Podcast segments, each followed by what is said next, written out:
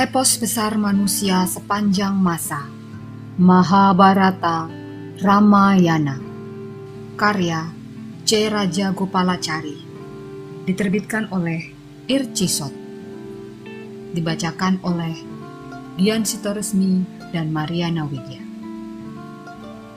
Bagian pertama. Mahabharata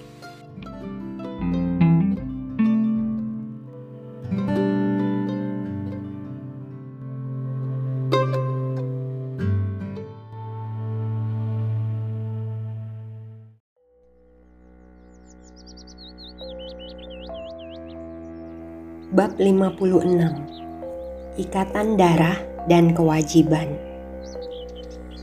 Sinar harapan perdamaian yang dibawa Krishna ketika pergi ke Hastinapura padam sudah. Krishna segera pulang dan menceritakan apa yang terjadi. Rupanya perang tidak terelakkan lagi. Kunti sangat sedih Kunti tidak tahu bagaimana ia harus mengatakan apa yang ia rasakan. Hatinya bertanya-tanya, "Bagaimana mungkin aku mengatakan isi hatiku kepada putra-putraku? Apakah aku harus berkata, 'Pikulah segala penghinaan'? Sebaiknya kita tidak usah meminta bagian pembagian kerajaan dan hindari perang." Tapi bagaimana mungkin putra-putraku bisa menerima pilihan yang bertentangan dengan tradisi kesatria? Tetapi sebaliknya apa gunanya saling bunuh di medan perang? Dan kebahagiaan macam apakah yang bisa diperoleh setelah menghancurkan saudara-saudara sendiri? Bagaimana aku harus menghadapi pilihan ini?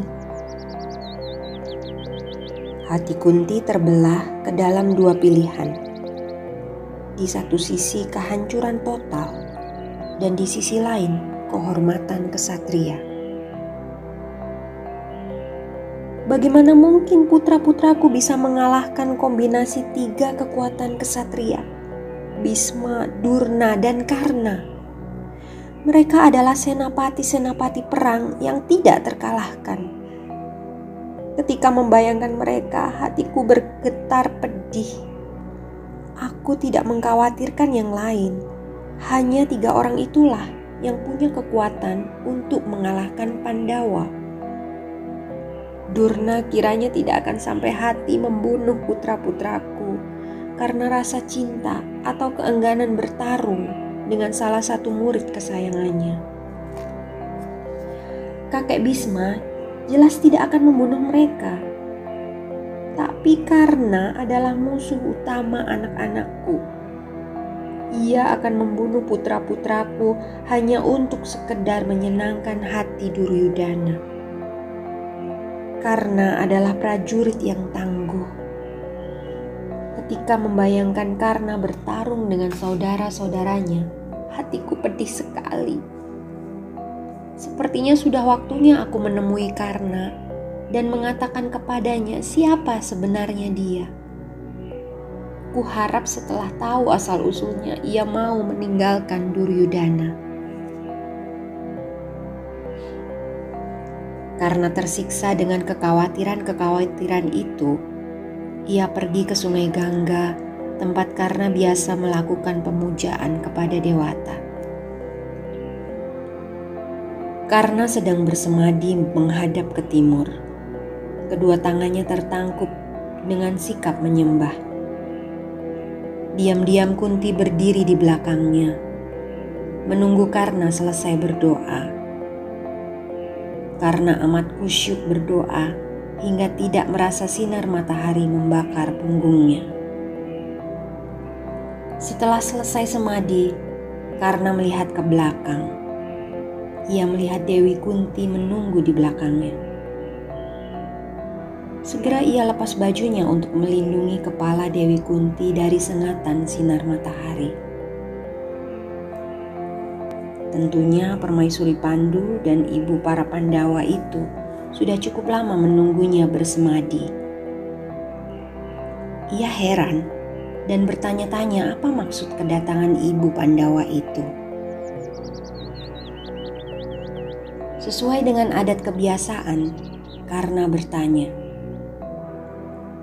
anak Rada dan Sais kereta Adirata menghaturkan sembah hormat. Hamba siap menerima perintah yang mulia permaisuri. Lalu kata Dewi Kunti, karena sebenarnya kau bukan anak Rada dan Adirata.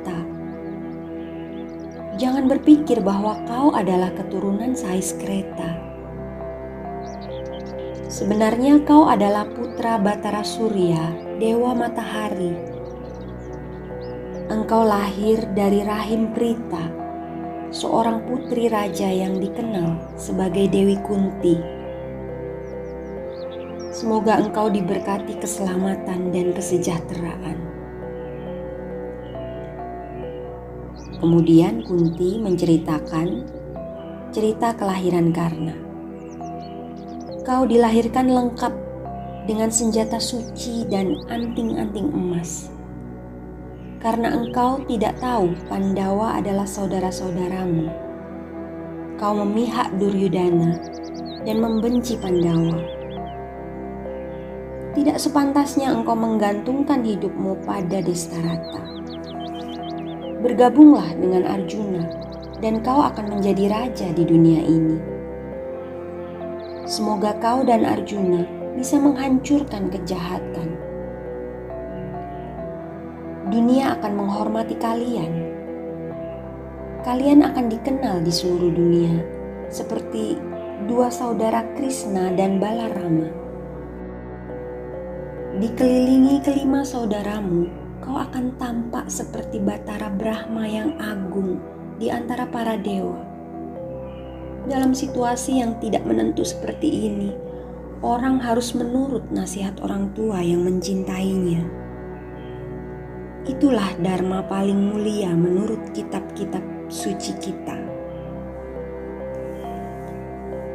Ketika ibunya bicara tentang asal-usul kelahirannya, karena merasakan sesuatu di hatinya. Dewa Matahari membenarkan kata-kata Dewi Kunti. Namun demikian, karena berusaha mengendalikan diri dan menganggap semua itu sebagai ujian dari Batara Surya terhadap kesetiaan dan keteguhan hatinya. Ia bertekad untuk tidak menunjukkan kelemahannya dengan keteguhan hati, ia berusaha tidak tergoda untuk mengikuti kepentingan diri sendiri dan membalas cinta ibunya. Katanya dengan sedih tapi teguh, "Ibu, yang engkau katakan berlawanan dengan Dharma. Jika meninggalkan kewajibanku, aku akan menyakiti diriku lebih parah." Daripada apa yang bisa dilakukan seorang musuh padaku di medan perang. Ibu telah merenggut semua hakku sebagai kesatria dengan membuangku, seorang bayi yang tidak berdaya, ke sungai. Mengapa ibu sekarang bicara padaku tentang kewajiban seorang kesatria? Ibu tidak pernah memberikan cinta ibu yang adalah hak setiap makhluk hidup yang terlahir di dunia. Dan sekarang, karena mencemaskan nasib anak-anakmu yang lain, ibu menceritakan asal-usul kelahiranku. Jika aku bergabung dengan Pandawa, apakah dunia nanti tidak akan mengutukku sebagai seorang pengecut? Aku dihidupi asam garam putra-putra Destarata mereka percaya kepadaku sebagai sekutu setia. Aku berhutang budi kepada mereka. Mereka memberiku perhatian dan kebaikan hati. Sekarang, setelah perang menjelang, engkau menghendakiku meninggalkan Kurawa dan bergabung dengan Pandawa. Ibu, mengapa engkau memintaku untuk mengkhianati asam garam yang telah aku makan? Putra-putra Destarata mengandalkanku sebagai jaminan untuk meraih kemenangan. Aku sendiri yang mendorong mereka untuk menempuh jalan perang. Bagaimana mungkin aku meninggalkan mereka? Adakah yang lebih hina daripada orang yang mengkhianati orang yang telah menolongnya? Ibu terkasih, aku harus membayar utangku jika perlu dengan nyawaku. Jika tidak, aku akan menjadi tidak lebih seorang pencuri yang makan hasil curian selama bertahun-tahun ini. Tentu, aku akan menggunakan segenap kekuatanku untuk melawan putra-putra ibu di medan perang. Aku tidak bisa membohongi ibu. Mohon maafkan aku. Namun demikian, aku tidak akan menolak sepenuhnya permintaan ibuku. Soalnya adalah antara aku dan Arjuna. Dia atau aku yang harus mati di medan laga nanti. Aku tidak akan membunuh anak-anak ibu yang lain, apa pun yang mereka lakukan kepadaku. Ibu para kesatria perkasa, engkau tidak akan kehilangan putra. Putramu akan tetap lima, salah satu dari kami. Aku atau Arjuna akan tetap hidup setelah perang ini. Mendengar kata-kata putra sulungnya yang teguh dan sesuai dengan norma-norma kesatria, hati Kunti semakin sedih. Pikirannya campur aduk tidak keruan. Ia tidak kuasa berkata-kata lagi. Segera dipeluknya Karna dan pergi tanpa bersuara.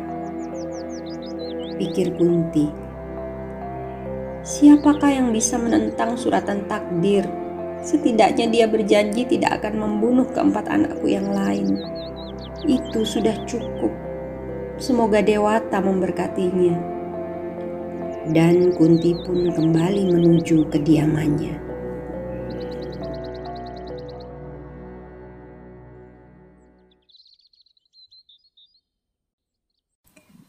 Dengarkan kisah selanjutnya di episode berikutnya.